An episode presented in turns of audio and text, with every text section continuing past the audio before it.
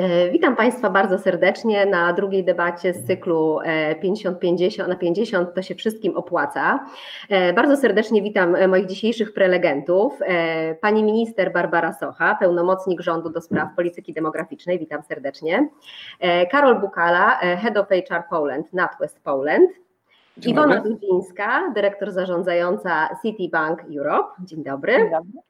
E, Marta Podedworna, dyrektor Departamentu Polityki Wynagrodzeń i Spraw Pracowniczych Bank Gospodarstwa Krajowego. Witam serdecznie. Dzień dobry, witam Państwa I pani serdecznie. Daria Gostkowska, dyrektor wykonawczy obszaru zarządzania zasobami ludzkimi w BNP Paribas Bank Polska. Witam serdecznie. Myślę, że skoro mamy taką silną reprezentację instytucji finansowych, to myślę, że na pewno temat, o którym e, będziemy rozmawiać, się z pewnością opłaca. E, I mogę powiedzieć, że rzeczywiście jesteśmy już po pierwszej debacie z, z naszego cyklu organizowanego przez Fundację Share Decker i wniosek właściwie z pierwszej debaty był dosyć ciekawy, a mianowicie, że e, kwestie związane z podziałem opieki między kobiety a mężczyzn, szczególnie jeśli mówimy o tym pierwszym roku życia, czyli o podziale urlopami rodzicielskimi, to jednak w dużej mierze kwestia finansowa, a nie światopoglądowa, jak mogłoby się wydawać. E, badania opublikowane podczas pierwszej debaty, e, pochodzące z badania firmy badawczej IQS, wskazują właśnie, że właściwie nasze społeczeństwo w dużej mierze jest już gotowe na przyjęcie tego partnerskiego podziału, jeżeli chodzi o opiekę i dzielenie się obowiązkami. Natomiast dochodzimy do pewnego błędnego koła, jeśli chodzi o kwestie właśnie finansowe. Tak? Dlaczego e, częściej kobiety zostają z dziećmi, to one biorą urlopy e, rodzicielskie? Wynika to z tego, że mężczyźni zarabiają lepiej, więc jakby dla nich jest łatwiej wejść w tą rolę osoby, która zapewnia, e, utrzymuje rodzinę, tak? A dlaczego kobiety zarabiają mniej? No często to wynika właśnie z tego, że na dłużej opuszczają rynek pracy ze względu na opiekę nad dziećmi. Chciałabym tutaj wykorzystać, y, że mamy ze sobą e, z nami podczas debaty panią e, minister, pełnomocnik rządu właśnie do spraw polityki demograficznej i w pierwszej kolejności oddać pani pytanie, natomiast zanim konkretnie zapytam o to, jakie jest podejście właśnie rządu do kwestii właśnie tej równowagi e, i być może motywowaniu w większym stopniu mężczyzn do tego, żeby również brali na siebie częściowe obowiązki z opieką nad dziećmi, e, przywołałabym badania, świeżo opublikowane badania pochodzące z, e, z badań z lutego 2020 roku, przeprowadzone przez Instytut Badań Społecznych, dotyczyły one tego, czy Polki, dlaczego Polki rodzą coraz mniej dzieci. I tutaj jakby wniosek z tych badań jest dosyć jednoznaczny i wskazuje dokładnie na to, że wynika to e, z takiej potrzeby coraz większej stabilności finansowo-zawodowej kobiet. E, najwięcej kobiet w Polsce dzieci rodzi po 30 roku życia, czyli grupa ponad 30% kobiet to są kobiety między 30 a 34 rokiem życia. Jest to też ta grupa, która ma największe zarobki. No i też jakby w ankietach dosyć mocno wybrzmiał właśnie fakt, że kobiety chcą się spełniać e, zawodowo. Więc pani minister, w pierwszej kolejności pytanie do pani. Jakie jest stanowisko rządu w sprawie podziału opieki rodzicielskiej między kobiety a mężczyzn? E, dzień dobry Państwu, witam bardzo serdecznie. Bardzo się cieszę, dziękuję za zaproszenie e, do tej bardzo ciekawej debaty. Tak, i mam okazję wykorzystać tu pewien przywilej jako pierwszej osoby, która będzie się wypowiadać na ten temat. E, cała ta problematyka i tematyka jest e, dla mnie bardzo ciekawa i, e, i chętnie poznaję różne kolejne badania, które tego, tego dotyczą. Zanim przejdę do kwestii związanych ze stanowiskiem rządu w tej sprawie, chciałabym się z Państwem jednak podzielić takim trochę szerszym spojrzeniem na całe to zagadnienie, jeśli mogę parę minut w ten sposób wykorzystać. Tak jak mówię, jest bardzo wiele różnych badań, które dotyczą tych kwestii. Wydaje mi się, że kluczowe jest zrozumienie takiej szerszej perspektywy. E, pracujemy w tej chwili nad strategią demograficzną. Myślę, że ona już bardzo, bardzo niedługo ujrzy światło dzienne, e, z czego się bardzo cieszę. Dokument ma na razie 150 stron i jest bardzo mocno poparty badaniami naukowymi. Tutaj nie ma jakby twórczości naszej własnej e, 100% odnosimy się do tego, co zostało udokumentowane badaniami. No i właśnie o tych badaniach e, kilka słów e, w kontekście opieki nad dziećmi, e, to myślę, że za chwileczkę, ale ja bym chciała zacząć od tego, jak to jest właśnie z tym, czy Polki chcą rodzić dzieci, czy nie chcą, czy to jest kwestia światopoglądowa, czy materialna, czy kwestia zarobków i tak dalej.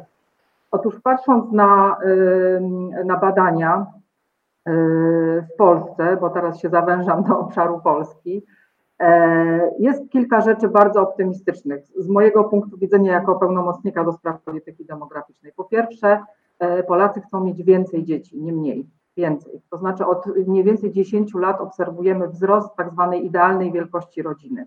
I to jest bardzo pocieszające. Najważniejsza rzecz, która wynika z tych badań, mniej więcej oznacza, że stabilna jest większość, to znaczy w tym sensie, że połowa badanych Polaków, zarówno kobiet, jak i mężczyzn, mniej więcej połowa, i to się raczej nie zmienia, tu mówię o stabilności, uważa, że idealnym modelem rodziny to, jest, to są rodzice z dwójką dzieci. E, to, co się zmienia na przestrzeni ostatnich 10 e, lat e, pozytywnie, po takim właśnie dołku mniej więcej 10 lat temu, to jest to, że coraz mniej osób deklaruje jako idealny model rodziny rodzinę z jednym dzieckiem, a coraz więcej osób deklaruje model rodziny 2 plus 3 lub więcej. I spada też jakby tak zwana deklarowana bezdzietność, czyli osoby, które generalnie nie chcą mieć dzieci. To jest na poziomie 2% w tej chwili. I powiedziałabym, to są dane, które są bardzo optymistyczne dla mnie e, i świadczą o takim dużym potencjale e, do wzrostu. Na to oczywiście nakładają się zjawiska powszechne wszędzie w cywilizowanym zachodnim świecie. E, mam na myśli chociażby to, że opóźnia się wiek e, zarówno wchodzenia w związki, jak i wiek e, rodzenia pierwszego dziecka. I tutaj e, powiedziałabym, że to, co Pani przytoczyła na początku, że rodzimy dzieci wtedy, kiedy najwięcej zarabiamy, to jest raczej skutek niż przyczyna. Mm, mianowicie w naszej cywilizacji jest powszechne i w naszej kulturze, że musimy być osobami samodzielnymi, żeby wchodzić w związki i, i, i oczywiście w drugim kroku mieć dzieci, e, a zatem to się jakby pokrywa czasowo, tak? Więc e, jest też faktem to, że, że mm, rzeczywiście ten czas rodzenia pierwszego dziecka, średni czas, czy w ogóle średni czas rodzenia dzieci, on się przesuwa w czasie, on się przesuwa dosyć szybko na zachodzie. W Polsce ten proces troszkę wyhamował i to jest jakby kolejny pozytywny sygnał, że to się tak szybko nie przesuwa jak gdzie indziej. Tutaj na to się nakłada kolejna rzecz, która ma bardzo, bardzo istotny wpływ na dzietność w Polsce, e, to jest dostępność mieszkań. E, jest rzeczą też e, silnie skorelowaną z dzietnością fakt posiadania mieszkania i brak dostępności tych mieszkań dla młodych ludzi powoduje, że odsuwany jest w czasie w ogóle tworzenie związków, ich formalizowanie, a tym samym też posiadanie dzieci.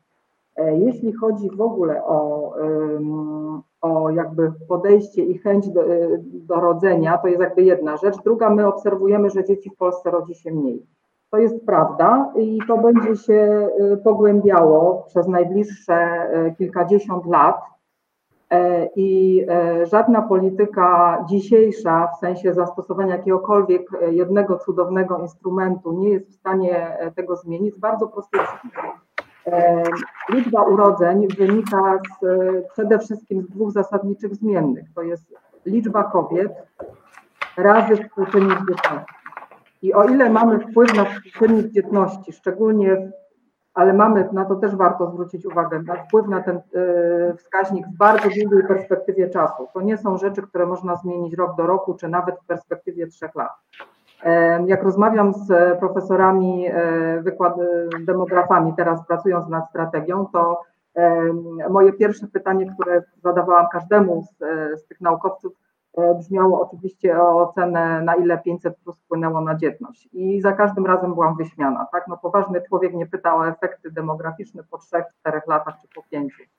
E, więc już się oduczyłam tego pytania. Natomiast E, to jest wskaźnik, wskaźnik dzietności i na niego mamy wpływ. A druga bardzo istotna rzecz, która ma wpływ na liczbę urodzeń w Polsce, to jest liczba kobiet w wieku rozrodczym. Jeżeli ta liczba kobiet nam spada, a spada nam bardzo szybko, dlatego że, e, że wychodzą z tego momentu, kiedy mogły rodzić dzieci kobiety wyżu demograficznego, czyli e, moje pokolenie i moje młodsze siostry, my już zakończyłyśmy e, E, wiek rozrodczy, chociaż e, formalnie liczymy się, tak? Ja mam 46 lat i liczę się jako osoba w wieku rozrodczym. E, raczej dziecka już nie urodzę ku rozpaczy mojej najmłodszej córki. Natomiast stąd wynika to, że coraz mniej jest kobiet w Polsce, które fizycznie są w stanie urodzić dzieci. I to spowoduje, że przez najbliższe 30 lat będzie spadać liczba urodzeń w Polsce i będzie spadać gwałtownie. Do tego zostanie y, efekt y, ujemnego przyrostu naturalnego zostanie spotęgowany rosnącą liczbą zgonów. Znowu to wynika z naszych wyżów i niżów demograficznych, mianowicie powojenny wyż demograficzny właśnie jest na etapie odejścia z tego świata i to powoduje, że ta stabilna sytuacja, którą my mieliśmy przez ostatnie kilka lat, która nas usypiała, ona się bardzo dynamicznie zmienia. Ja widziałam e, szereg badań, e, znaczy nie badań, tylko danych, które podają, że coraz mniej dzieci się rodzi w Polsce, mamy ujemny przyrost naturalny, to już jest 13%. Ja powiem Państwu, za 10 lat będziemy mieć ujemny przyrost naturalny 200-300 tysięcy rocznie. To znaczy co roku będzie nam znikało z mapy miasto wielkości Gliwic czy Radomia mniej więcej. I na to nie jesteśmy w stanie nic poradzić. To, na, czym, e, na co możemy coś poradzić i próbować tutaj robić, i mam nadzieję, że o tym będziemy głównie rozmawiać, to jest to, żeby w perspektywie 10-20 lat zwiększyć dzietność do poziomu zastępowalności pokoleń, czyli e, współczynnika 2,1. To jest ogromne zadanie, to jest ogromne wyzwanie. E, ja wierzę, że jest realne do, do wykonania, chociaż doświadczenie krajów zachodnich pokazuje, że że tam polityka, e, ta prorodzinna w większości, właściwie w 100% e, oscyluje wokół stworzenia idealnych warunków do pogodzenia pracy z dzietnością, pracy z rodziną.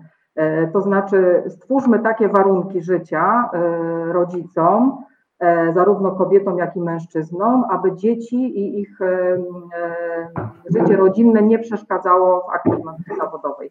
I to jest bardzo słuszny kierunek, ale on pomija zupełnie y, tą grupę osób, które na przykład chcą realizować y, to, co my nazywamy, myślę, że tutaj Państwo się zgodzą ze mną, takim tradycyjnym modelem, w którym mężczyzna pracuje, kobieta zajmuje się domem. E, to, są, to, jest ten, e, to jest ta część społeczeństwa, bo ona istnieje, ona istnieje w każdym społeczeństwie, taka grupa. E, to jest ta grupa, która której e, państwo, czy, czy patrząc na kraje zachodnie, nie poświęca specjalnie dużo uwagi. Tak? Te kobiety nie są w jakiś sposób motywowane do tego, żeby skoro wybierają taki model e, życia, czy taki model rodziny, żeby zachęcać je, do jeszcze większej dzietności. Ja myślę, że to jest kluczowa rzecz i tutaj już przepraszam za ten przydługi wstęp, e, to jest to, na czym powinniśmy się skupić. To znaczy, jeżeli mogę teraz przejść do stanowiska rządu w tej sprawie, E, to ono brzmi tak. W kontekście dyrektywy unijnej, o której pewnie będziemy tu za chwilę rozmawiać, będą mnie. To zostawmy jeszcze sobie to pytanie na później, tak? W takim razie nie. E, mhm. To w takim razie powiem tak. E, dla nas ważne jest wspieranie dzietności, bo uważamy, że jest to jedno z największych wyzwań, które stoi przed Polską. A na dzietność mają wpływ ma bardzo szereg, szereg bardzo wielu czynników. Jednym z nich, jednym niewyłącznym, nie jedynym, są kwestie związane z pogodzeniem pracy z opieką nad dziećmi. I tutaj oczywiście wspieramy wszystkie rozwiązania, wszystkie, które sprzyjają temu. Jeżeli mówimy o tym, że około 56% Polaków, może, może Państwo powiedzą, to jest tylko 56, a może aż 56, ale tak wynika z danych, którymi ja dysponuję, 56% Polaków realizuje i chce realizować taki model rodziny, o którym tutaj jest mowa, 50-50, tak? Czyli dzielimy się równo, pracujemy oboje, dzielimy się równo pracą. Ale y, trzeba pamiętać, że oprócz tych 56% jest jeszcze 44, które mają inny pogląd na to i y, myślę, że rolą państwa jest to, by uwzględniać wszystkie te preferencje i tak budować politykę prorodzinną, aby ona odpowiadała na te preferencje i w każdej z tych grup możliwie zwiększała dzietność. Także podsumowując jednym zdaniem, tak, jesteśmy za takimi modelami, które pozwalają osobom w równy sposób e, opiekować się dziećmi. Tym oczywiście osobom, które taki model wybierają. Dziękuję bardzo. Dziękuję Pani Minister i rzeczywiście wywołała Pani temat dyrektywy unijnej Work-Life Balance. Do niej za chwilkę jeszcze wrócimy, natomiast chciałabym teraz oddać głos tutaj przedstawicielom biznesu, ponieważ jakby absolutnie my nie kwestionujemy tradycyjnego modelu rodziny, natomiast no tutaj w tym gronie chcielibyśmy też porozmawiać o tym, jakie możliwości właśnie są dla tych 56% Polaków, którzy deklarują, że jednak chcieliby e, kontynuować podział e, obowiązków, e, utrzymując możliwość obojga rodziców w pracy, natomiast również obojga rodziców angażować w sprawy związane z opieką nad dziećmi. Więc może tutaj w pierwszej kolejności skierowałabym pytanie do, do pana Karola, ale to samo pytanie do pozostałych pań jest następujące. Zanim przejdziemy już konkretnie do kwestii narzędzi, jak motywować mężczyzn w większym stopniu, żeby angażowali się w branie urlopów rodzicielskich czy opiekę nad dziećmi, a może w drugą stronę kobiety, aby nie bały się oddawać tej przestrzeni ojcom. Najpierw pytanie, co w ogóle akurat Państwo reprezentują firmy, które już takie rozwiązania u siebie wdrażają, tak? Więc moje pytanie pierwsze jest takie w ogóle, co Państwa zmotywowało, żeby dostrzec, że, że taki trend społeczny się rozwija i że warto za nim podążać albo wręcz go kreować. Panie Karolu.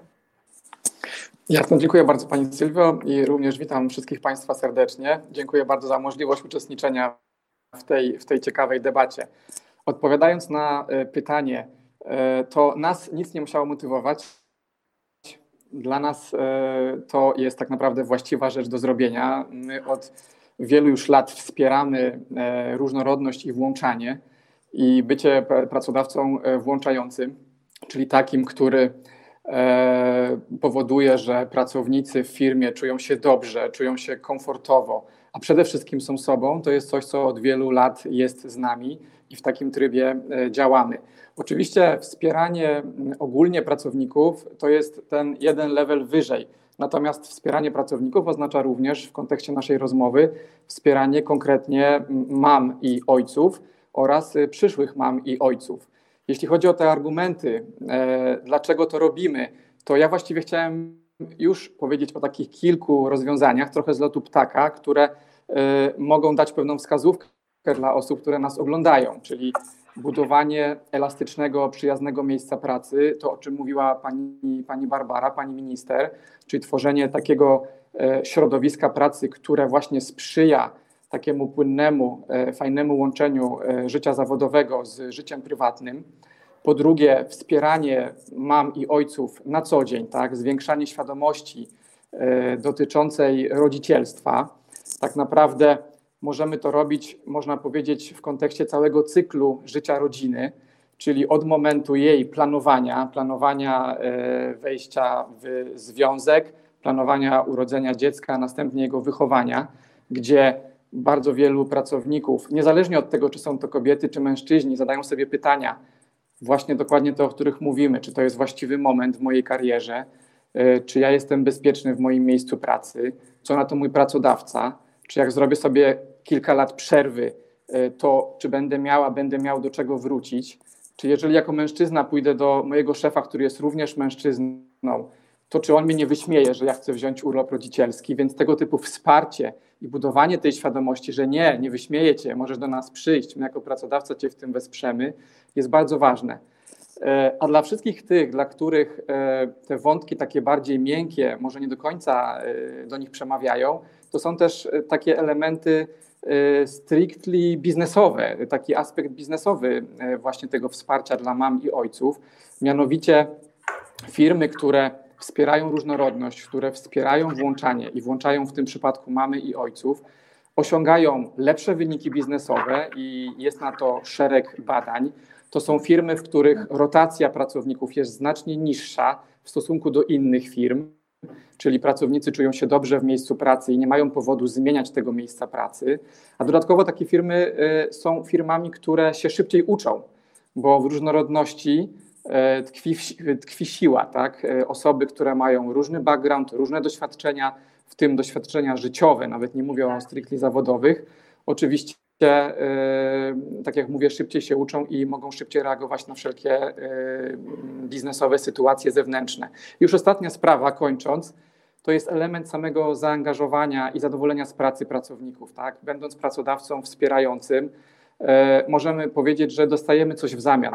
Czyli dostajemy pracowników, którzy są zaangażowani, zmotywowani i po prostu cieszą się, że są w miejscu pracy, które ich w ten sposób e, wspiera. A to jak to robimy, to oczywiście powiem za moment. Za chwilkę tak, za chwilę sobie tak. o tych narzędziach porozmawiamy, to teraz y, może y, oddam głos Pani Darii i tutaj właśnie pytanie, czy to, że firma zdecydowała się wdrażać właśnie rozwiązania, które sprzyjają temu partnerstwu w, i równemu podejściu do opieki nad dziećmi, było podyktowane kwestiami ideologicznymi, czy właśnie również przemówiły jakieś twarde argumenty? Dzień dobry. Ja chciałam powiedzieć, że pomijając, bo oczywiście są ogromnie ważne wszystkie aspekty wspierania, chcemy być firmą tak samo inkluzywną, taką, która że tak powiem, wspiera cały potencjał, który mamy w banku, ale jakbym mogła zacząć od takiej bardzo pragmatycznej, może tutaj tezy, my po prostu nie chcemy stracić puli talentu ogromnej, którą mamy w banku. Nasz bank zatrudnia między 60 do 70% kobiet, a jest to ogromna, ogromny talent, ogromna, ogromny potencjał. Są to osoby niesamowicie ambitne e, i w tym momencie nam bardzo zależy, żeby się realizowały zarówno u nas e, w banku, w pracy, w BNP Paribas, jak również w swoim życiu zawodowym, bo tylko w ten sposób łączenie tych dwóch e, elementów wiemy, że sprzyja w, jak najlepszym rozwoju. Więc w tym kontekście skupiamy się na wszelkiego rodzaju rozwiązaniach, które wspierają mamy, ale również oczywiście ich e, partnerów czy też mężów i w tym kontekście jesteśmy w stanie zbalansować e, tą równowagę. I tutaj tak, tak samo jest jedną z inicjatyw banku BNP Paribas, jest bank bliski bliskim i jest szereg rozwiązań, które za tym idą. Rozumiem, że to nie na tym etapie jeszcze nie to tak, pytanie. Jeszcze tak, Natomiast jeszcze pytanie tutaj, którym chciałam zadać to samo pytanie. To może ja, to może tak. ja przekażę głos dalej w takim razie, a potem będziemy o konkretnych rozwiązaniach rozmawiać. To może za chwilę pani Marta i potem panią Iwonę poproszę właśnie o odpowiedź na to pytanie. Pani Marta, jakie są państwa? E, proszę e, wymiutować. O, ja mam Pani teraz, tak. Dziękuję. E, ja się oczywiście zgłaszam z przedmówcami i faktycznie też jesteśmy instytucją, która chce walczyć o zaangażowanie, wspierać zaangażowanie kobiet w pracy, jak również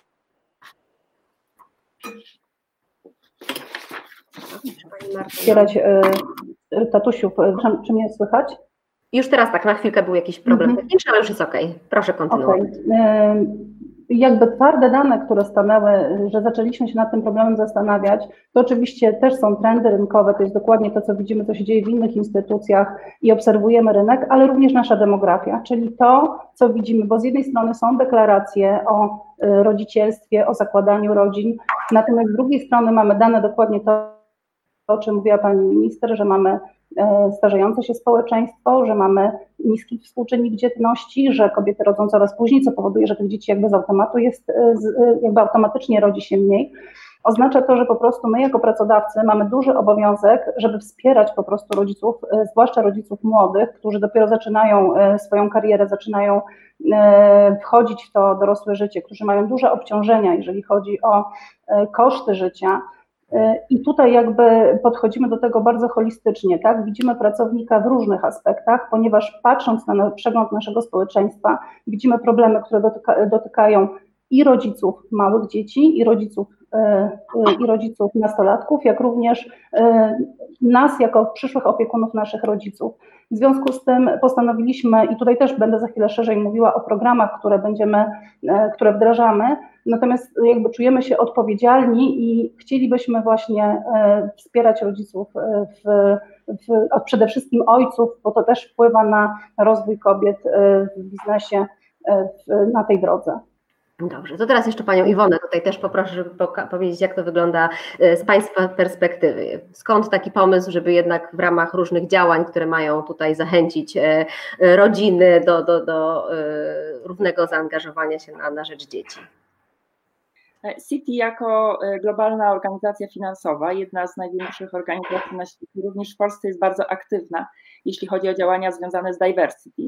Zatrudniamy ponad 4,5 tysiąca osób E, I bardzo ważne jest to, że około 75% z tych osób to są osoby młode, urodzone w latach 80. i 90., e, co tak naprawdę powoduje, że my bardzo często jesteśmy dla nich po prostu pierwszym miejscem pracy.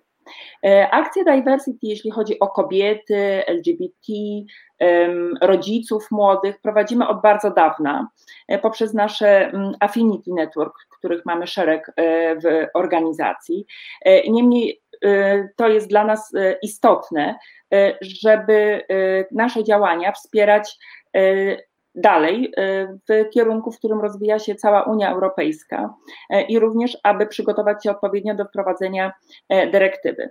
Aczkolwiek istotnym elementem jest to, że te działania rozpoczęliśmy już znacznie wcześniej i na przykład słuszność tego została potwierdzona przez Diversity Rating, który otrzymaliśmy z niezależnych źródeł, z organizacji czy też badania, które prowadzi Deloitte e, wraz e, z Forum Odpowiedzialnego Biznesu, e, jak i również byliśmy wyróżnieni jako jeden z najlepszych networków podczas NatWest Diamond Gala, która dotyczy środowiska i rozwoju środowiska LGBT oraz w ogóle kultury organizacyjnej w Polsce, która wspiera różnego rodzaju różnorodność.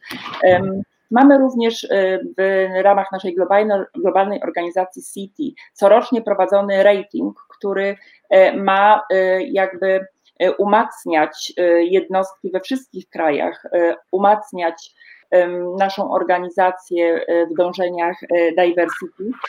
I my mamy nieustannie od kilku lat już rating advanced, który jest dla nas bardzo wielkim wyróżnieniem, jeśli chodzi o tego typu działania. Patrząc z perspektywy doświadczeń e, życiowych naszych pracowników i biorąc pod uwagę fakt, że to są ludzie bardzo młodzi, i tak jak powiedziałam wcześniej, to jest dla nich bardzo często pierwsza praca, ważne jest, żeby oni wchodzili w taką kulturę organizacyjną, e, która umożliwia im realizowanie siebie e, zarówno w pracy, jak i w mm, swoim życiu prywatnym. Mamy dużą różnorodność już wprowadzoną, wypracowaną przez lata, ponieważ nasza populacja, tych 4,5 tysiąca pracowników, to jest 45% kobiet, 55% mężczyzn. Jeżeli spojrzymy na e, taką grupę osób zarządzających, to tak naprawdę w naszym komitecie zarządzającym, który składa się powiedzmy z blisko 100 osób, jest 50% kobiet i 50% mężczyzn. Czyli my jesteśmy już na takim etapie, gdzie rzeczywiście te działania, które robiliśmy do tej pory, dają owoce. My to osiągnęliśmy właśnie przez te nasze Affinity Networks, to, że City Women, City Parents, e, City Pride to są networki, które działają już od lat gdzie prowadzimy bardzo liczne działania mentoringowe, zarówno na rynku, jak i tutaj w Polsce, jak i w ramach naszej e, organizacji wewnętrznie.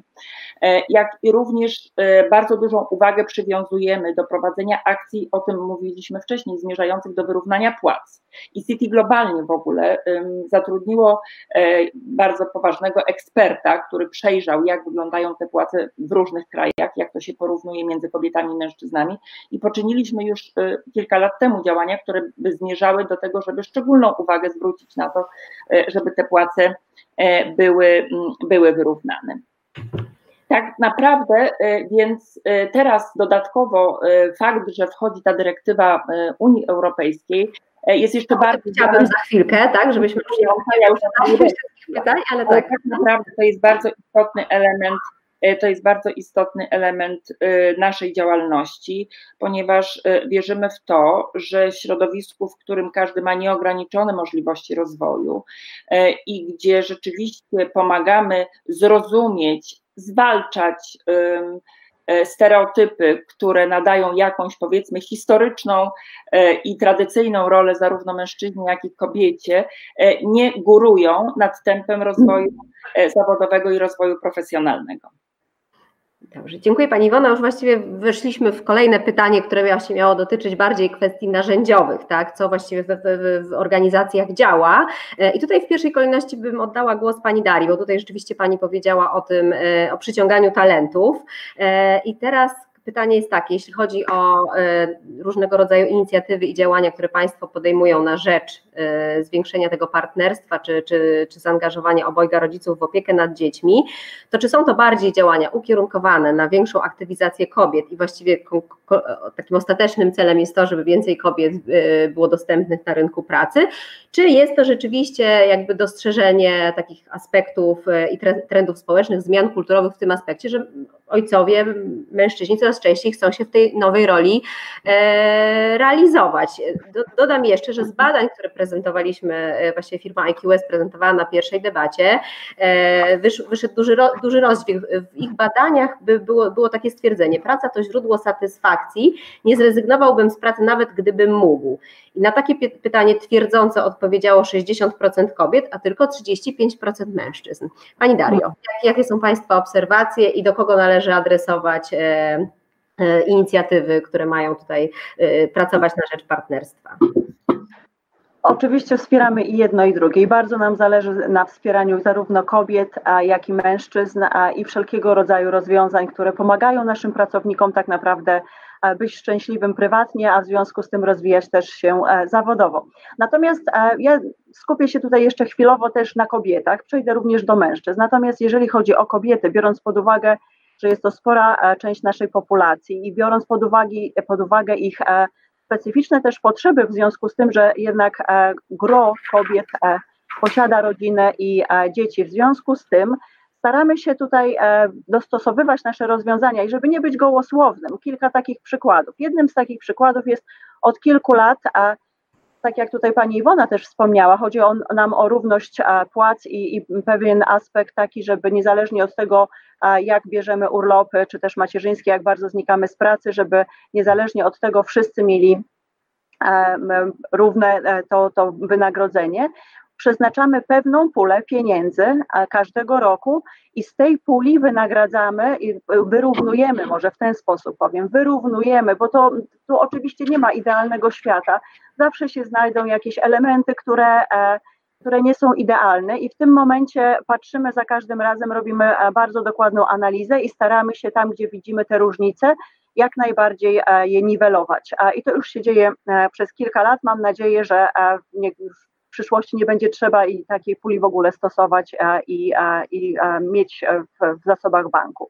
Kolejnym elementem, który jest, tak jak tutaj wiemy, w związku z tym, że kobiety znikają na dłuższy okres czasu, to ten powrót, ja sama mam dwoje dzieci, ten powrót jest dość stresujący. To jest taki moment, gdzie się wraca do tej pracy i się, i się zastanawia, ojej, co się zmieniło, jak to wygląda, a i w związku z tym, jak ja wejdę w te nowe obowiązki, no bo jednak świat idzie do przodu, biznes tak samo się zmienia. Więc w tym momencie, szczególnie jeżeli chodzi o tak zwane twarde miary, KPI, -e, staramy się bardzo tak um, um, wprowadzać systematycznie, czyli jest okres, który jest okresem wdrożenia, niezależnie od tego, ilu letnim pracownikiem jestem w banku.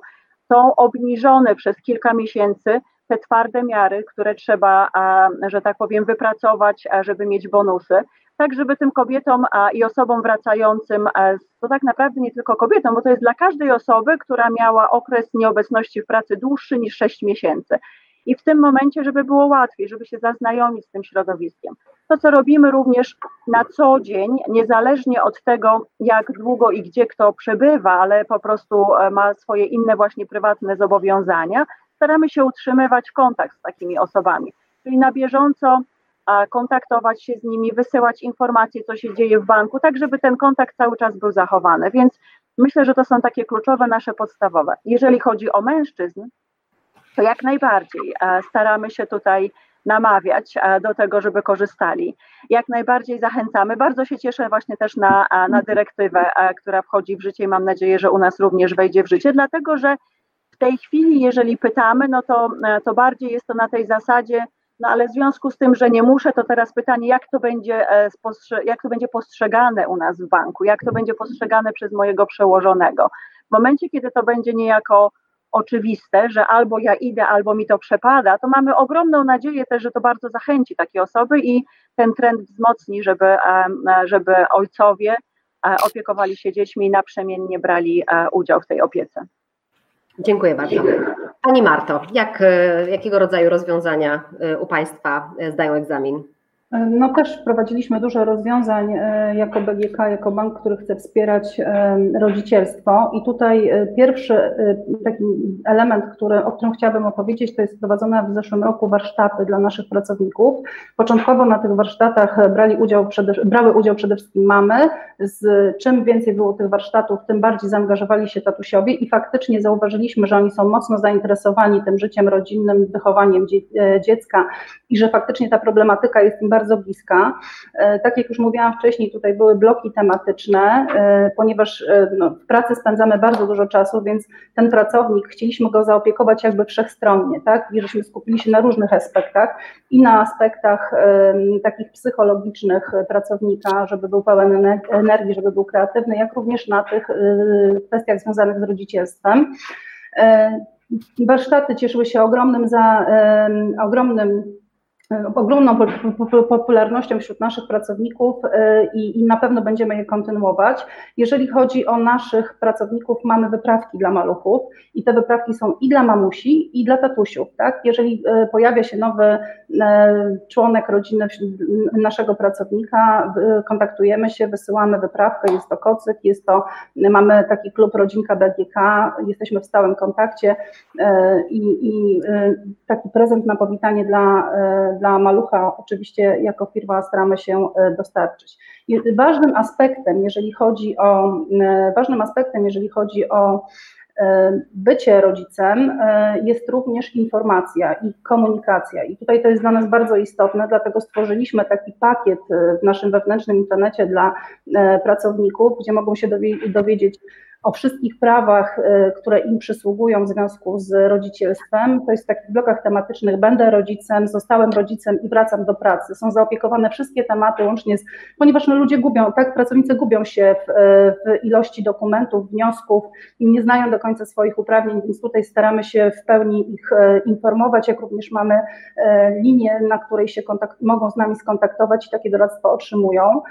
Dodatkowo w ramach pakietu socjalnego rodzice otrzymują y, taki dodatek y, na powitanie pracownika, też z tego korzystają w ogóle tutaj y, w ramach Funduszu Socjalnego przy współpracy ze związkami zawodowymi mamy bardzo zaopiekowaną rolę rodzica ze względu właśnie na to, że, że też patrzymy na to bardzo szeroko, jeżeli chodzi o podział środków.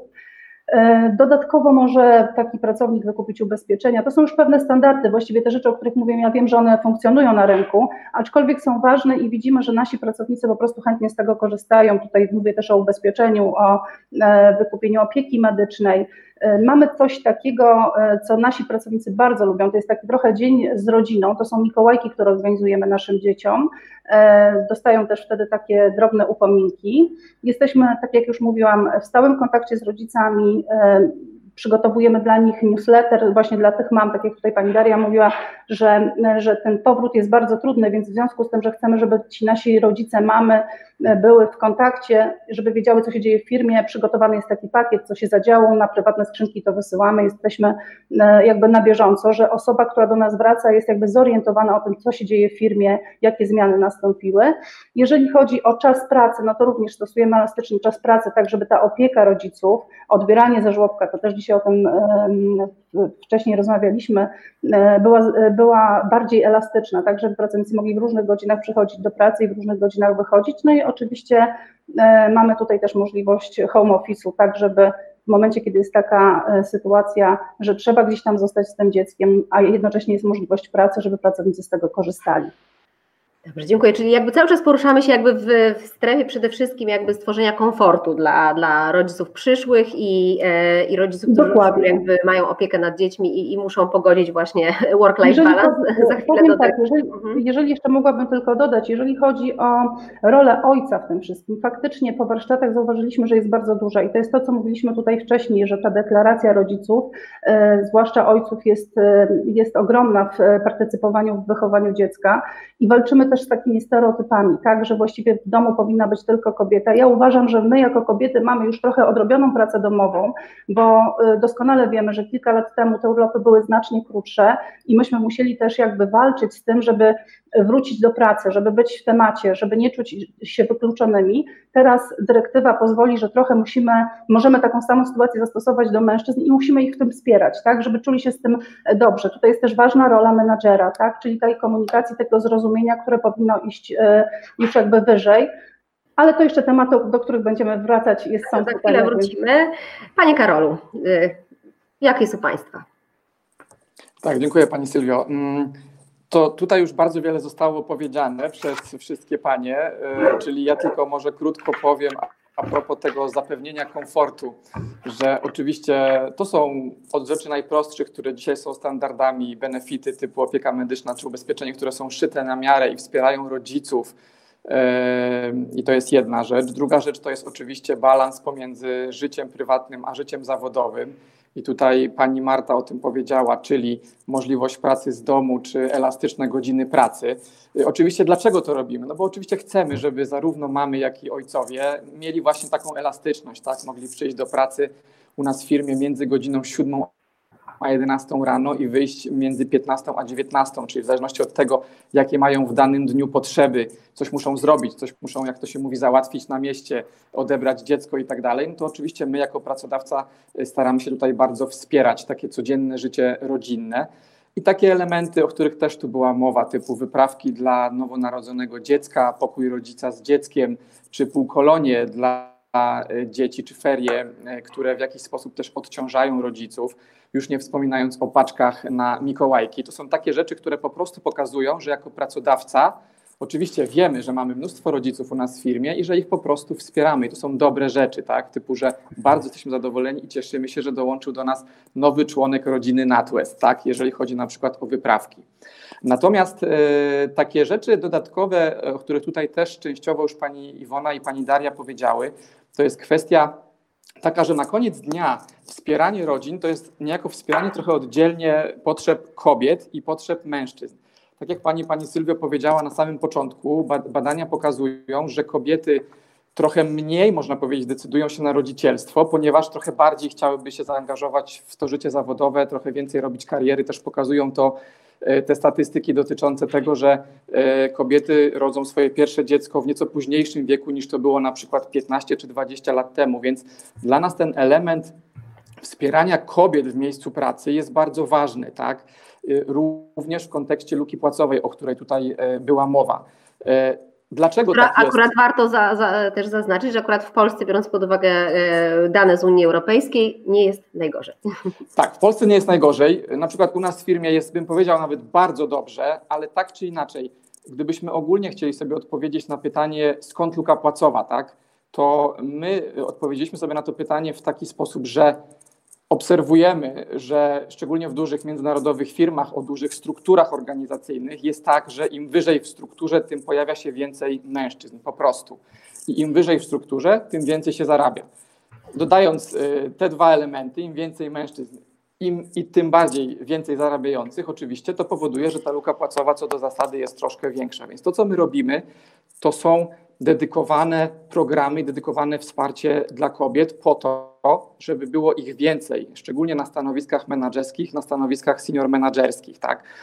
Mamy e, programy rozwojowe, które są dedykowane kobietom. E, one mają takie ciekawe nazwy, to jest z angielska na przykład bridge, czyli most, żeby kobieta przeszła stąd tam na drugi brzeg, lub na przykład accelerate, tak? czyli przyspiesz, żeby kobieta mogła przyspieszyć w swojej karierze zawodowej w naszej firmie. E, również e, mamy mm, takie bardzo konkretne, twarde, e, powiedziałbym, cele, jeśli chodzi o to, ile kobiet chcemy mieć na tych stanowiskach menedżerskich teraz i w przyszłości. Mamy konkretny plan na kolejne 10 lat w bardzo wielu punktach w organizacji jesteśmy w niezwykle dobrym miejscu, gdzie jest ilość kobiet i mężczyzn dokładnie taka sama na niektórych stanowiskach, ale są jeszcze, trzeba przyznać otwarcie, takie miejsca, e, gdzie to jeszcze nie jest takie na zasadzie 50 na 50, więc do tego dążymy. E, dodatkowo wszystko zaczyna się od procesu rekrutacji. Tak? Powiedzieliśmy sobie, że na stanowiska menedżerskie, senior menedżerskie w każdym panelu rekrutacyjnym musi być przynajmniej jedna kobieta. Na shortliście powinna być kobieta. Oczywiście y, każdy kandydat powinien spełniać podstawowe y, oczekiwania pracodawcy co do kompetencji i wiedzy, ale chcemy, żeby właśnie w ten sposób również dodatkowo wspierać kobiety. Ogłoszenia chcemy, żeby były pozbawione, powiedziałbym, pozbawione płci, czyli żeby były neutralne pod tym kątem również. Tak? Tutaj takim, można powiedzieć, sztandarowym przykładem z przeszłości jest stanowisko asystentka. Tak? jeszcze 15-20 lat temu tak się pisało ogłoszenia. Dzisiaj jest to w zasadzie niedopuszczalne, nigdy bym tego w ten sposób dzisiaj e, nie ogłosił. Tak? E, I tak jak w przypadku e, pani Iwony i pani Darii, mm, my wspieramy pracowników na dwóch poziomach. Po pierwsze, jako pracodawca chcemy tworzyć tak zwane wspaniałe miejsce pracy z języka angielskiego Great Place to Work, ale również też działamy poprzez nasze sieci pracownicze, które jeszcze dodatkowo wspierają w tym przypadku mamy i ojców. Mamy sieć rodzin i opiekunów i taką część tej sieci, którą jest sieć ojców i mamy sieć kobiet. I te sieci działają na rzecz właśnie mam i ojców, organizują różnego rodzaju spotkania, różnego rodzaju seminaria. Na przykład dla kobiet są to spotkania z kobietami sukcesu, żeby właśnie pokazywać im, jak e, można powiedzieć taki role model e, w różnych organizacjach. Jeżeli chodzi o ojców, to jest to wzajemna wymiana m, doświadczeń, opowiadanie sobie m, o tak zwanych tips and tricks, co robić, czego nie robić, jak ważna jest bliskość z dzieckiem, szczególnie w tych pierwszych tygodniach, e, miesiącach e, życia. Również też uświadamianie właśnie ojców, że być może warto na chwilę porzucić w cudzysłowie tą karierę zawodową na tych kilka tygodni czy miesięcy, właśnie po to, żeby się zająć dzieckiem, trochę odciążyć mamę, swoją partnerkę, e, bo to potem się po prostu zwróci. A jak na to reagują kilka... mężczyźni, przepraszam, dopytam, bo właśnie tutaj jest ciekawe, jakby wiele badań właśnie szczególnie takich kulturowych no już pokazuje, że to pokolenie Y czy Z właściwie już w ten sposób myśli, że tak naprawdę najważniejszy projekt życia to jest dziecko i że to się bardzo zmieniło na przestrzeni ostatnich 30 lat. Czy wypowiedzi jakby mężczyzn właśnie, czy tych grup męskich świadczą o tym, że rzeczywiście mężczyźni chcą się w tej roli realizować? Ja widzę, że tak, na pewno to się Pani Sylwia, tak jak Pani mówi, e, zmienia, e, szczególnie w tych, w tych ostatnich no, kilkunastu latach zdecydowanie, a, a myślę, że w przeciągu tych ostatnich pięciu, sześciu lat to, to na pewno. Ja widzę, że mężczyźni naprawdę bardzo pozytywnie do tego podchodzą i chcą, tak? Też, też oczywiście jest, jest, jest, jest wiele badań, które mówią o tym, że mm, no, tutaj mam nadzieję, że się nie narażę innym, innym paniom, które, które są tutaj rozmówcami, ale na przykład takie badania, które mówią o tym, że jeżeli mężczyzna więcej czasu poświęca swojej małej córeczce, to ona w dorosłym życiu będzie bardziej pewna siebie, bardziej przebojowa, że będzie zachowany ten balans pomiędzy tym, co daje te, tej córce mama i tym, co daje e, córce tata. E, więc jest, są to też takie bardzo wymierne, widoczne aspekty i, i bardzo ważne z punktu widzenia też zaangażowania ojca w rozwój i opiekę nad dzieckiem. Ja tutaj Pani Daria kiwa głową właśnie. Tak, tak. chciałam powiedzieć, bo też mam tutaj przed sobą pewne badania i IQS, badania IQS pokazują, że tak naprawdę prawie 90% ojców, którzy pójdą na, takiej, na taki urlop rodzicielski, z ogromną chęcią promuje go i również wróciłoby, wyraża chęć, że ponownie zrobiłoby dokładnie to samo, więc tutaj widać, że to jest tylko kwestia pewnego, pewnego rodzaju rozpoczęcia tej akcji i, i ona jak najbardziej szerokim echem, mam nadzieję, się e, tak samo i popularnością rozejdzie wśród mężczyzn.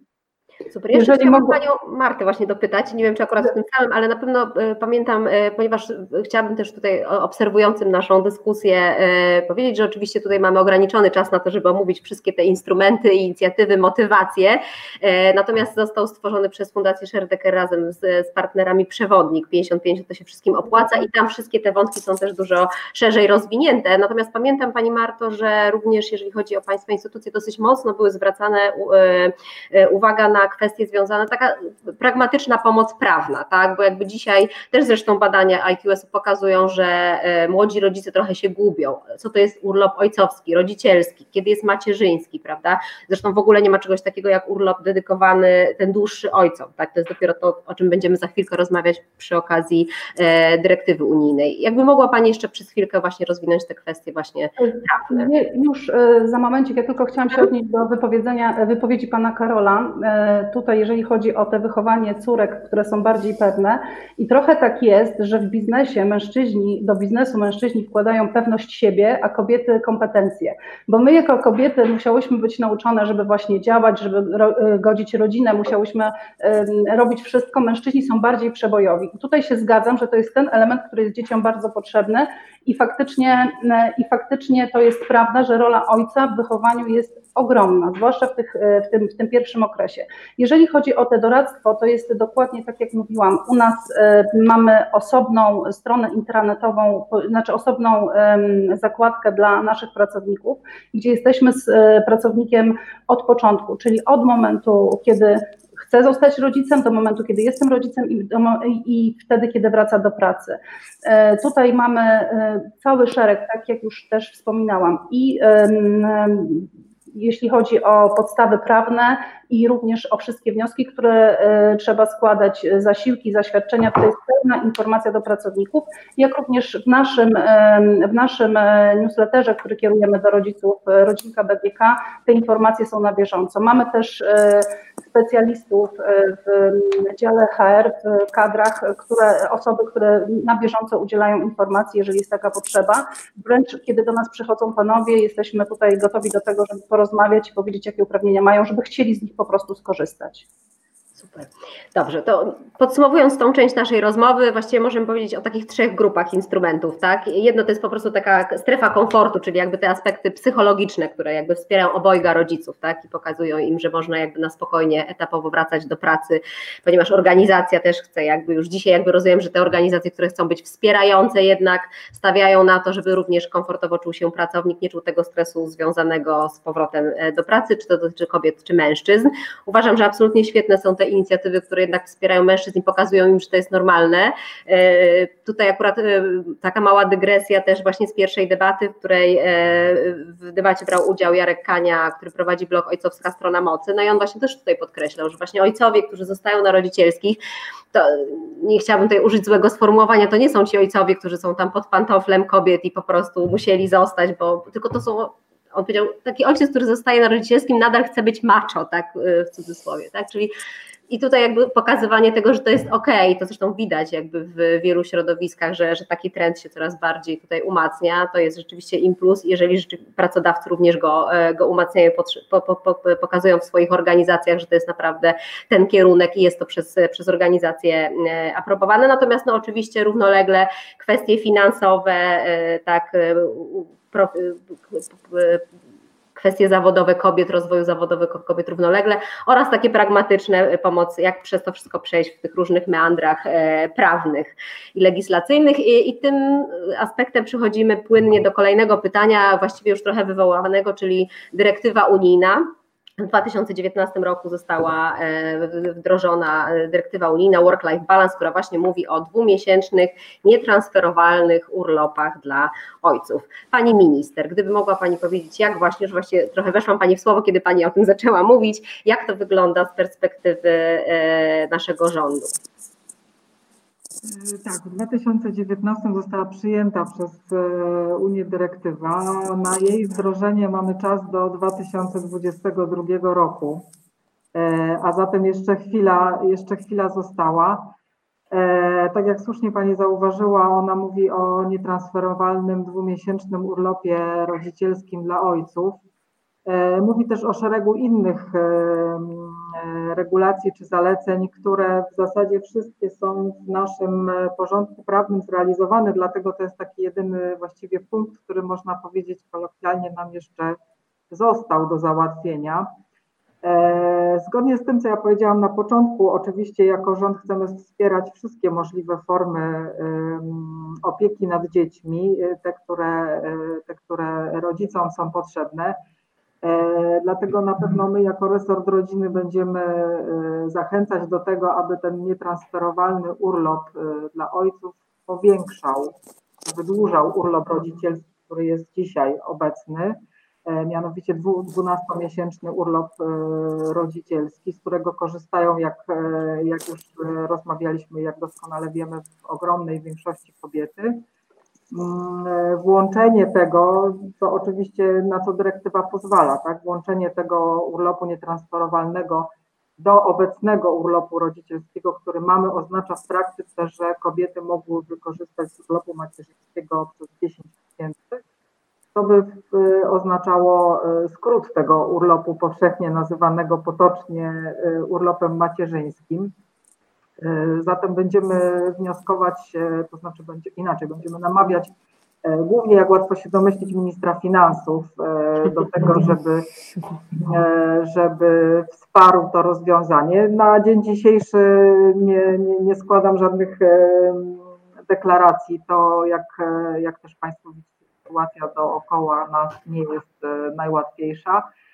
Ja mam nadzieję ze swojej strony, że uda się, uda się przekonać i mam nadzieję, że pomoże nam w tym e, nie tyle dyrektywa unijna, bo tak jak mówię, ona według, ona nas do, nie zobowiązuje do wydłużenia tych urlopów, ona nas zobowiązuje do e, udzielenia tego nietransferowalnego, a zatem hmm. moglibyśmy tą dyrektywę równie dobrze wykonać, skracając ten urlop dostępny dla mam do 10 miesięcy i i, i, i, że tak powiem, e, teoretycznie byłoby wszystko w porządku. Tak? Ja liczę na to, że to będzie taki pretekst, który nam pozwoli troszkę wydłużyć mm, te płatne urlopy, bo z naszych analiz, o których mówiłam na początku e, o pracy nad strategią demograficzną, wynika jednoznacznie, że wydłużanie urlopów rodzicielskich e, sprzyja dzietności, ale tylko pod warunkiem, jeżeli są to urlopy płatne i to mhm. wysoko płatne. To znaczy widać wyraźną korelację między y, płatnością za te urlopy, a, a dzietnością. W Polsce, jak wiemy, jest urlop wychowawczy,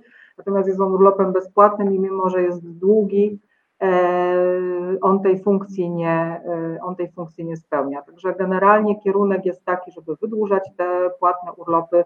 E, ja mam nadzieję, że ta dyrektywa będzie okazją, żeby właśnie o te dwa miesiące przynajmniej w najbliższym czasie do 2022 roku ten urlop rodzicielski w tym przypadku przeznaczony dla taty wydłużyć. Panie Karolu, jak Pan y, podchodzi do kwestii właśnie tego urlopu, szczególnie w obliczu takiej deklaracji, że być może to będzie oznaczało nie 12 miesięcy, a 14 miesięcy? Tak? Pytanie, no, w jakim no tak. rodzicielski zostanie wykorzystany przez ojców, a w jakim poczują się właśnie, że te dwa miesiące są dla nich, tak? Y, Jasne.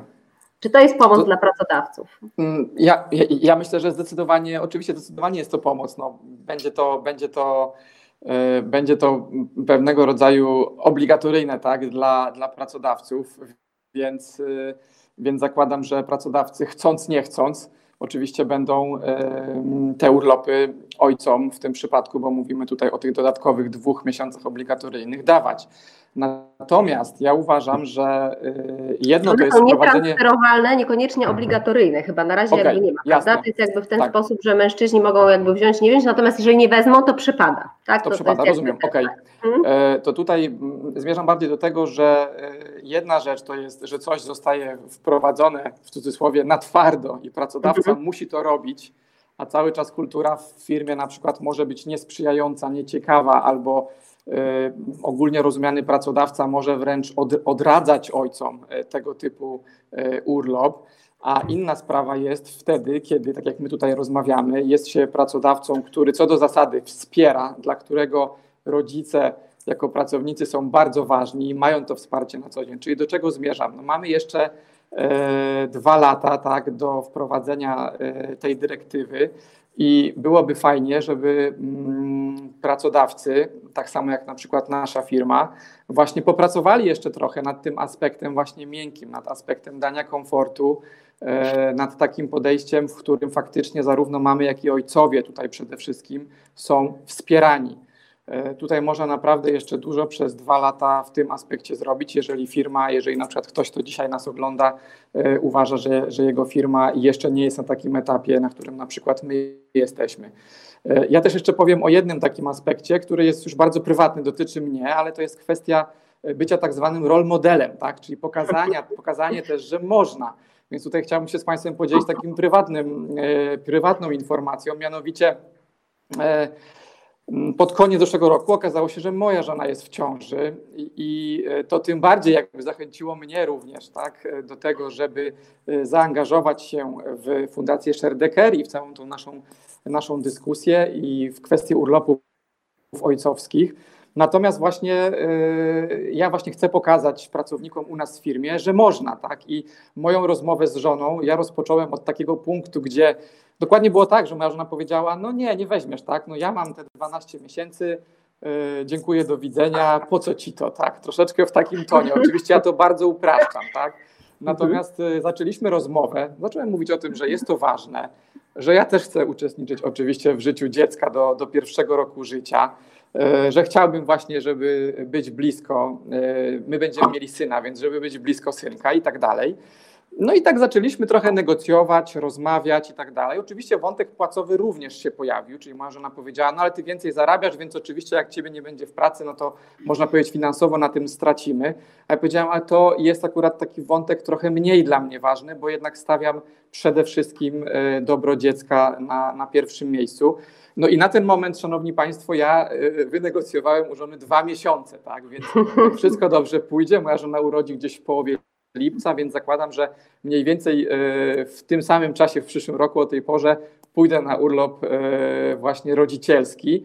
Także chcę też pokazać, że e, właśnie my jako pracodawca i też ja jako osoba, która ma przyjemność zarządzać departamentem HR w firmie, po prostu to robimy, tak? I chciałbym, żeby inni pracownicy, ojcowie również korzystali z tej możliwości.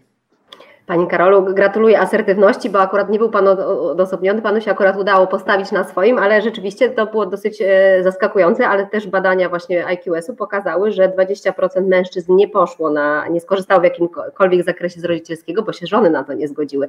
Także to no pytanie, no które gdzieś tam się u nas już przewinęło, kogo trzeba bardziej zachęcać, rzeczywiście jest jak najbardziej aktualne i dodam, że tutaj e, osoby, które oglądają naszą debatę, również zachęcamy do tego, żeby wyraziły swoją opinię, ponieważ koło okienka streamingowego jest taka ikonka ankiety i tam właśnie są różne pytania, które e, do Was kierujemy i też chcielibyśmy poznać e, między innymi odpowiedź na to pytanie, kogo trzeba bardziej zachęcać, kobiety czy mężczyzn. To może teraz Panią Darię poproszę o odpowiedź właśnie, e, opinię na temat dyrektywy unijnej, czy jest to coś, co będzie dodatkowym narzędziem dla pracodawców, żeby tutaj zwiększać równouprawnienie wśród mam i ojców.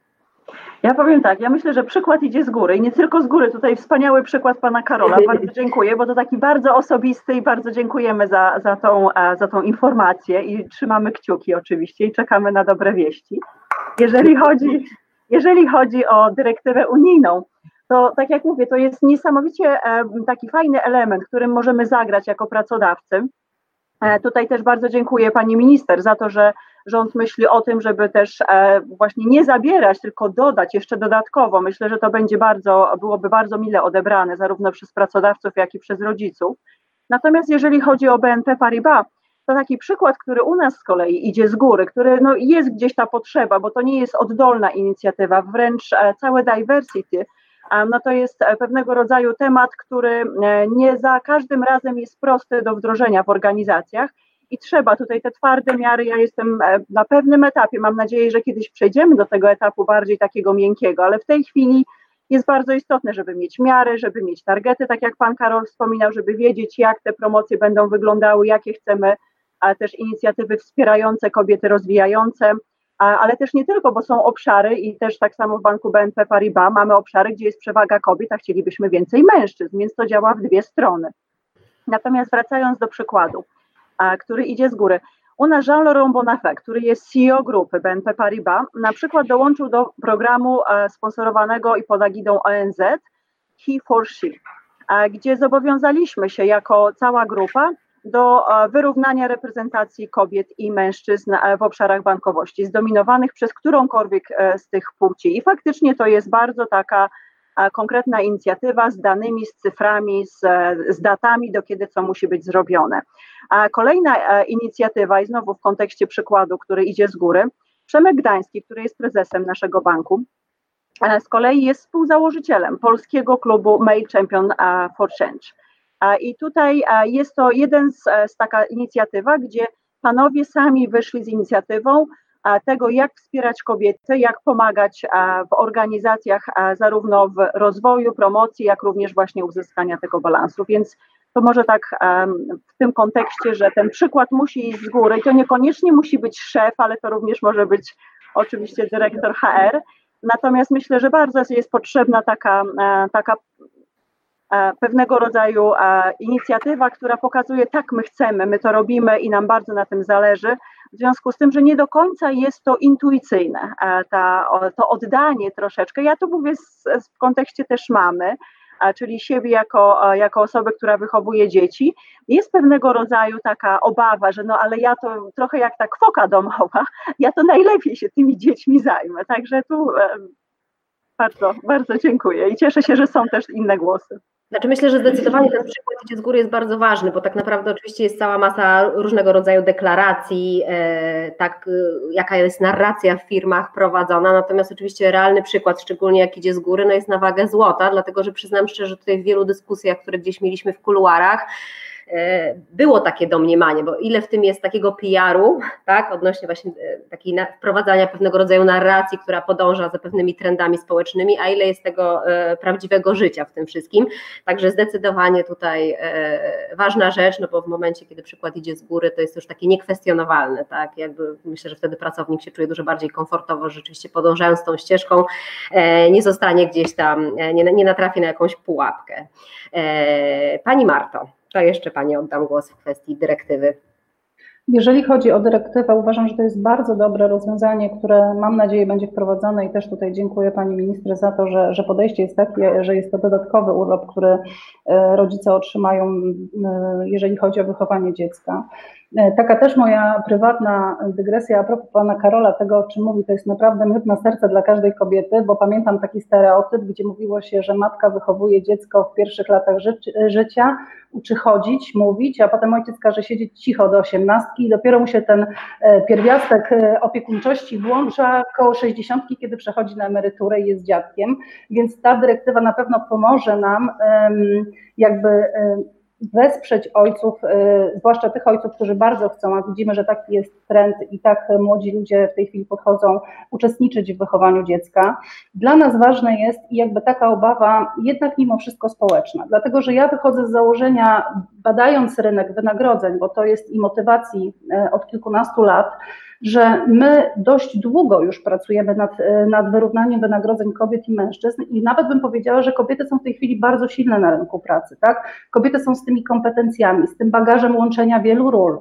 W związku z tym e, tak naprawdę nawet y, powiedziałabym, że jesteśmy trochę przodowniczkami. Jeżeli chodzi o wybór zawodów, tutaj to odniosłabym się też do dyskusji, która była przed chwilą, to ja bym jednak zostawiła pewną swobodę w firmach, bo jednak są y, zawody preferowane przez kobiety, są przez mężczyzn i dokładnie to, co mówił pan Karol wcześniej, dysproporcja czasami wynika po prostu z wartości tych y, zawodów, tak, w kontekście, w kontekście wynagrodzenia.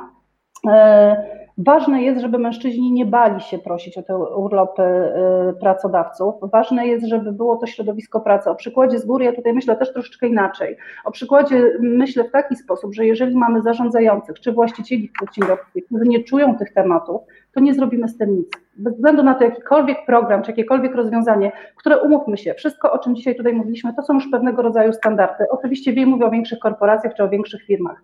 Natomiast jeżeli nie ma tego przykładu z góry, czyli nie ma tego sponsoringu, e, od zarządzających czy od e, właścicieli, to nic się nie, jakby, no nie jesteśmy w stanie zrealizować.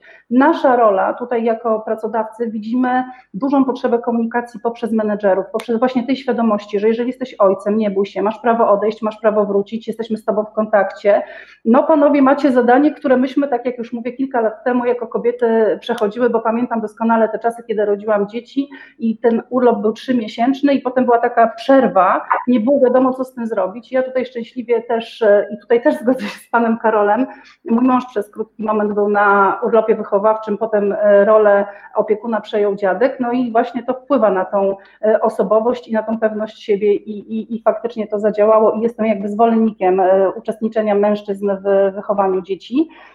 Mam nadzieję, że jakby tutaj społecznie te role da się troszeczkę odwrócić, wesprzeć mężczyzn, oni nie będą się bali podchodzić do tego tematu i, i tutaj widzę właśnie naszą rolę. Uważam, że dyrektywa to jest bardzo dobre otwarcie dla tatusiów, żeby weszli w tę naszą, w tę naszą rolę, a wtedy my kobiety będziemy mogły się też e, realizować. Tak? To jest takie trochę zapętlające się koło.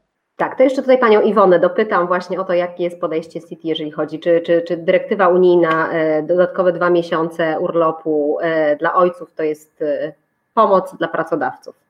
To jest absolutnie duża motywacja i pomoc do, dla pracodawców. E, ja e, chciałam powiedzieć, że my mamy w City taką trochę lepszą sytuację niż ogólnie jest na rynku, bo w Polsce można powiedzieć, że około 1% ojców korzysta e, z udogodnień, można powiedzieć. Dzisiaj z rodzicielskiego. Pan Karol mówi, że to takie super udogodnienie. Halo? Tak, tak, słyszymy, słyszymy. Mhm. E, więc e, w City to jest troszeczkę lepiej, bo to jest 6%. W ubiegłym roku 14 ojców skorzystało z tej możliwości. E, no oczywiście wobec ponad 200 matek, które, które co roku korzystają. Myślę jednak, że to co, to, co widać, to to, że najistotniejszą rzeczą, aby ta dyrektywa była e, wsparciem dla firm, to jest również po drugiej stronie bardzo duża i skuteczna komunikacja właśnie ze strony firm. My musimy sobie zdawać sprawę, że jako e, pracodawcy, jako duże firmy, które mają wpływ na kształtowanie rynku pracy, ale również ogromny wpływ na kształtowanie kultury organizacyjnej, powinniśmy skorzystać z tej możliwości i stosować wszystkie możliwe drogi przekazu i komunikacji, aby E, informacja na temat tej możliwości e, oraz na temat korzyści, które płyną w wyniku tej dyrektywy zarówno dla ojców, jak i dla matek, jak i dla dzieci, jak i dla organizacji mogły być zrealizowane. My osobiście w ubiegłym miesiącu, e, właściwie to było niedawno temu, zorganizowaliśmy debatę, która nazywa się Caring by Sharing E, czyli troszeczkę podobnie do nazwy fundacji, e, ale ta debata miała właśnie na celu nie tylko przybliżyć zasady dyrektywy, która wchodzi w życie, ale również pokazać, jakie te korzyści jakie te korzyści są. To nie tylko jest możliwość dla kobiety wyrównania płacy, wyrównania możliwości rozwoju kariery, jak również dla mężczyzny. E, mężczyźni długo pracując bez możliwości przerwy, jaką mają kobiety w wyniku urlopów macierzyńskich, narażeni są na tak zwany burnout. To jest coś takiego, co, e, czego można uniknąć, jeżeli mężczyźni również będą mogli zbilansować swoje, życie przez e, oderwanie się nieco od, od obowiązków wyłącznie zawodowych. Mamy szereg programów mentoringowych. Również tutaj mówił Pan Karol o dobrym przykładzie idącym z góry, więc mamy w planie e, zaangażowanie ojców, którzy są menadżerami na wyższych stanowiskach, po to, żeby się dzielili swoimi doświadczeniami i mówili o swoim udziale e, w wychowaniu, w wychowaniu dzieci.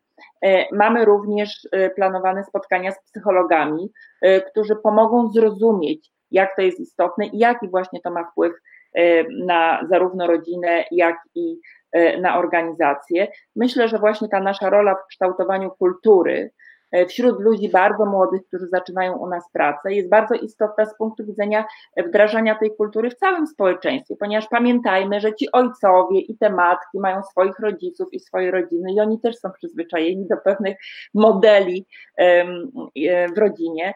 E, i myślę, że tutaj mamy całą masę stereotypów i w żaden inny sposób nie będziemy mogli tych stereotypów zaadresować, jak właśnie krok, by, krok po kroku wdrażając E, wdrażając skuteczną komunikację e, i rozmawiając z naszymi pracownikami, zachęcając e, ich również do uczestniczenia w różnych inicjatywach i akcjach, które wychodzą poza granice danej organizacji i są bardziej inicjatywami, inicjatywami które są również promowane na rynku i, i ogólnie w Polsce.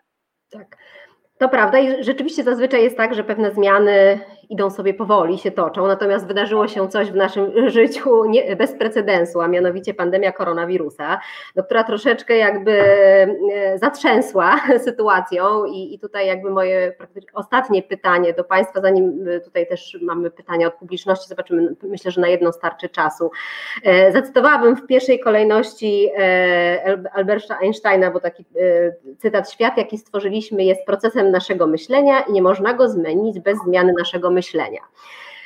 Dzisiaj mamy taką sytuację, że bardzo wielu pracowników e, musiało przejść na tryb pracy zdalnej w domach. Dla tych, którzy mają rodziny i muszą to pogodzić bycie pracownikiem z byciem rodzicem, no z pewnością był to nie lada test na, na partnerstwo, a myślę, że pracodawcom tym bardziej uzmysłowił e, to, jak ważną rolę mają w tym obszarze do, do wykonania. Tutaj w międzyczasie Fundacja Scherdecker również organizowała takie spotkania z, z pracodawcami i widać było, jak wiele inicjatyw właśnie wychodzi e, naprzeciw nie tylko zadbaniu o komfort pracownika, ale tym samym o, o komfort jego rodziny. E, I moje ostatnie pytanie brzmi tak, czy pandemia koronawirusa, przy tym jak dzisiaj wygląda praca w domu i to, z czym musieli się zmierzyć rodzi, pracujący rodzice, sprawi, że te mm, procesy równościowe przyspieszą, czy wręcz zahamują? I w pierwszej kolejności poprosiłabym o odpowiedź panią minister. E, tak, rzeczywiście to jest wydarzenie bez precedensu i myślę, że troszkę za wcześnie, żeby podsumowywać, bo jeszcze trwa niestety. Natomiast wydaje się, że pewne rzeczy są nieodwracalne. Mam na myśli takie gwałtowne przyspieszenie, e, jeśli chodzi o cyfryzację w wielu dziedzinach. Być może akurat Państwo tutaj reprezentujecie te najbardziej nowoczesne korporacje, więc e, myślę, że dla wielu z, z Państwa czy Państwa pracowników to nawet nie było tak odczuwalne z punktu widzenia pracy. E, natomiast myślę, że w bardzo wielu jednak e, dziedzinach e, życia w innych organizacjach to jest, to jest ogromny krok do przodu, który pokazuje, że pewne rzeczy, które wydawały się niemożliwe, stają się możliwe i myślę, że częściowo to, częściowo to z nami zostanie. Natomiast ja jakby tak już podsumowując naszą debatę, bo domyślam się, że powoli zbliżamy do końca, E, ja bardzo się cieszę, że z tych wszystkich głosów, które tu padły, takiego entuzjazmu wobec e, zaangażowanych ojców, to jest bardzo budujące i, e, i optymistyczne. Natomiast też myślę, że nie przeceniałabym tej roli takiej, jakby to powiedzieć, żeby, żeby być dobrze zrozumianą to, że y, rodzice decydują w taki, a nie inny sposób o podziale opieki nad dziećmi, mam na myśli to, czy właśnie, czy to tata, czy to mama, e, czy porówno, czy nieporówno. E, myślę, że najważniejsze w tym jest, żeby y, nie tracić tej opieki nad dzieckiem w sensie kontaktu. Tak? Budowanie więzi z dziećmi oczywiście zależy od czasu spędzonego, ale nie można założyć, że jeżeli ojciec nie bierze e, urlopu rodzicielskiego, że jest jakby gorszym ojcem, czy jest wykluczony. Bardzo ważne jest to, e, jak te więzi się buduje i to oboje rodziców są, są, potrzebni, są potrzebni dzieciom. E, to jakby chodzi mi o to, żeby też nie jakby nie jakoś nie zaczarowywać tego tematu, tak? E, oczywiście to ma służyć rodzinie i to e, para dorosłych rodziców podejmuje tutaj decyzje. My jako państwo nie chcemy tutaj absolutnie nic narzucać, natomiast pójść za tym, jakie są E, jakie są preferencje. I to myślę, że tyle na, na, na, dzisiaj z mojej strony. Bardzo dziękuję. Tak, my też niczego nie chcemy narzucać, chcemy zachęcać i promować to, co wydaje się, że tutaj e, przemawia na, na korzyść zarówno całych rodzin, jak i dzieci. E, zresztą kolejna debata, na którą już w tej chwili mogę zaprosić 28 maja, czyli w tym tygodniu, w czwartek o godzinie 19, jest właśnie taka zorganizowana pod kątem Dnia Dziecka i będzie ona właśnie dotyczyła korzyści, jakie też są e, dla dzieci z, z dwójki zaangażowanych rodziców, ale to jeszcze mamy chwilkę. E, panie Karolu, czy koronawirus e, przyspieszy, czy zahamuje tutaj próby partnerskiego podziału obowiązków? E, jasne.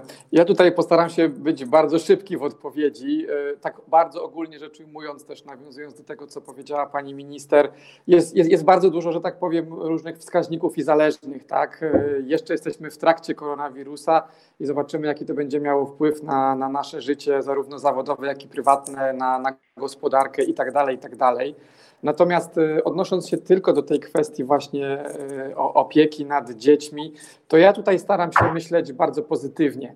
Czyli y, ten fakt, że zostaliśmy w domach, że pracujemy z domów i fakt, że ojcowie mm, są blisko swoich dzieci i mamy są blisko swoich dzieci i rodziny muszą sobie radzić właśnie konkretnie w swoim domowym ognisku z tym wszystkim, są ze sobą na co dzień cały czas, i tak dalej. E, mam nadzieję, że to nas po prostu przybliży, tak? I ja tutaj e, podałem taki przykład też, e, wypowiadając się w, przy innych okolicznościach, że rozmawiałem z koleżanką i właśnie nasza rozmowa zeszła na ten temat i zapytałem ją, jak jej mąż sobie radzi, czy ona widzi wsparcie właśnie, oni mają dwójkę dzieci.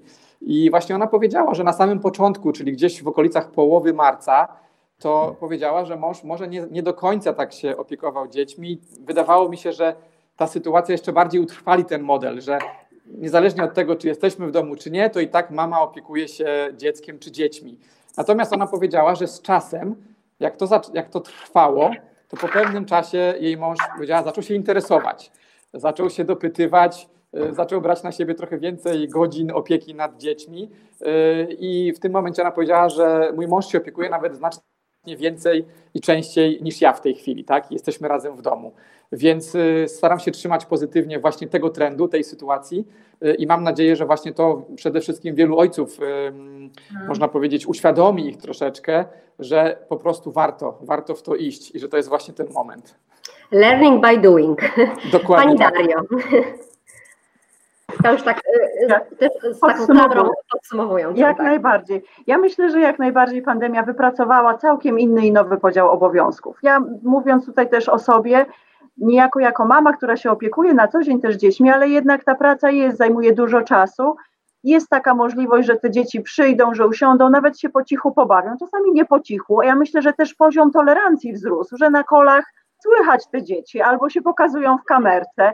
A ja myślę, że to dużo, właśnie dużo uśmiechu wywołuje na twarzach i ogromną sympatię.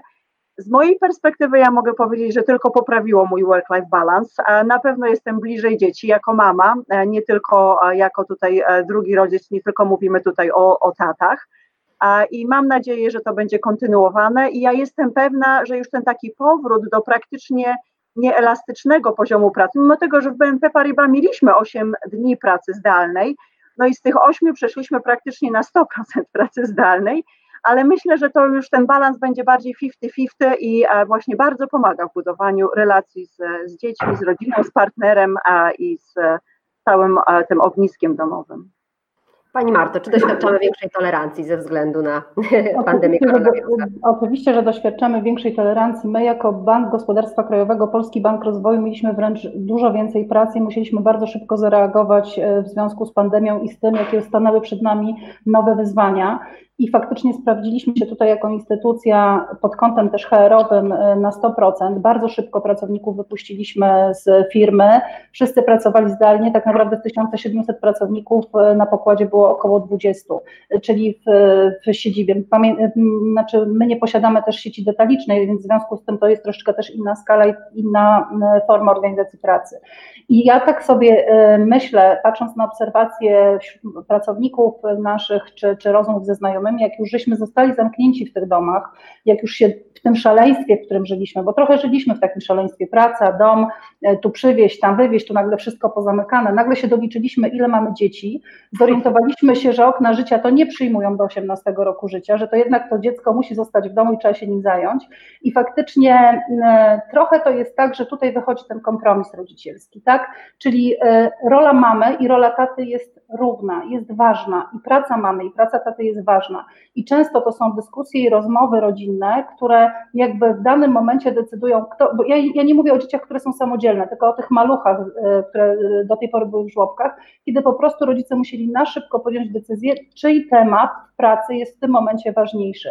Więc ja myślę, że to jest bardzo fajne podejście, że to też bardzo zespoliło e, rodziny, a także dało e, świadomość taką wzajemną tego, co się robi, jakie to jest ważne i ile ty ogarniasz, jak mnie nie ma, a ile ja ogarniam, ile ja robię rzeczy, którymi ty się nie zajmujesz i tutaj ten podział obowiązków naprawdę i poznanie siebie na nowo po iluś tam już e, latach pracy, będąc cały czas ze sobą, jest bardzo istotne i bardzo ważne i, i myślę, że to jest dobry kierunek.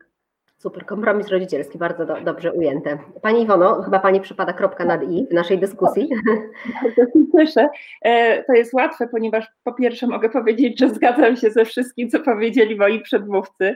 E, absolutnie mam takie samo, e, taką samą opinię, natomiast chciałabym dodać jeszcze jeden element, który wynika też z mojej obserwacji ostatnich miesięcy. I to jest element, który polega na stworzeniu takiej sytuacji, e, kiedy jesteśmy wszyscy bardziej innowacyjni. Fakt, że e, ponad 90% w niektórych organizacjach, 100, to jest różnie, tak, pracuje zdalnie już od kilku miesięcy, powoduje, że rozmawiamy inaczej, komunikujemy się inaczej, tworzymy nowe formy współpracy i tworzenia nawet życia takiego socjalnego i społecznego. Spowodowało to, że niektóre zawody, czy nie, nie, niektóre formy pracy, czy rodzaje pracy, czy to jest instytucja finansowa, czy inna instytucja, nie, nie były przewidziane do pracy zdalnej. w każdej organizacji E, tam, gdzie były wprowadzone elastyczne warunki pracy, a w City elastyczne warunki pracy są stworzone od dawna i tak naprawdę bardzo e, mocno już się zakorzeniły, ale mimo wszystko pewne formy pracy, pewne zawody nie były najlepsze do tego, żeby pracować zdalnie. Ponieważ my pracujemy zdalnie już długo, to menadżerowie, którzy wcześniej myśleli, że jego pracownik czy pracownica nie mogą pracować zdalnie. Teraz już tak nie myślą. E, po prostu staliśmy się bardziej um, um, innowacyjni z punktu widzenia e, organizacji pracy.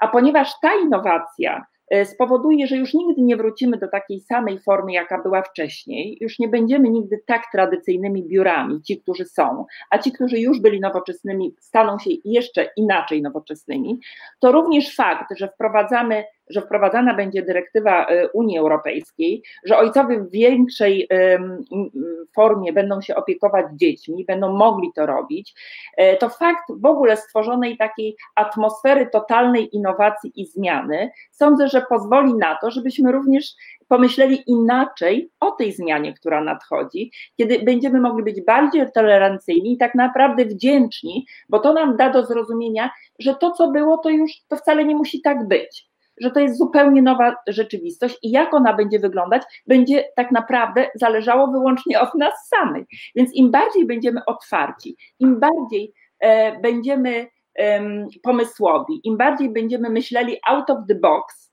w naszych organizacjach, tym bardziej będziemy przygotowani na wejście tej dyrektywy. I ja myślę, że nasi pracownicy, czy to kobiety, mamy, czy to mężczyźni, tatusiowie, będą również zupełnie inaczej podchodzili do tego, co nam się kiedyś nie wydawało możliwe, a teraz stwarza zupełnie nowe możliwości.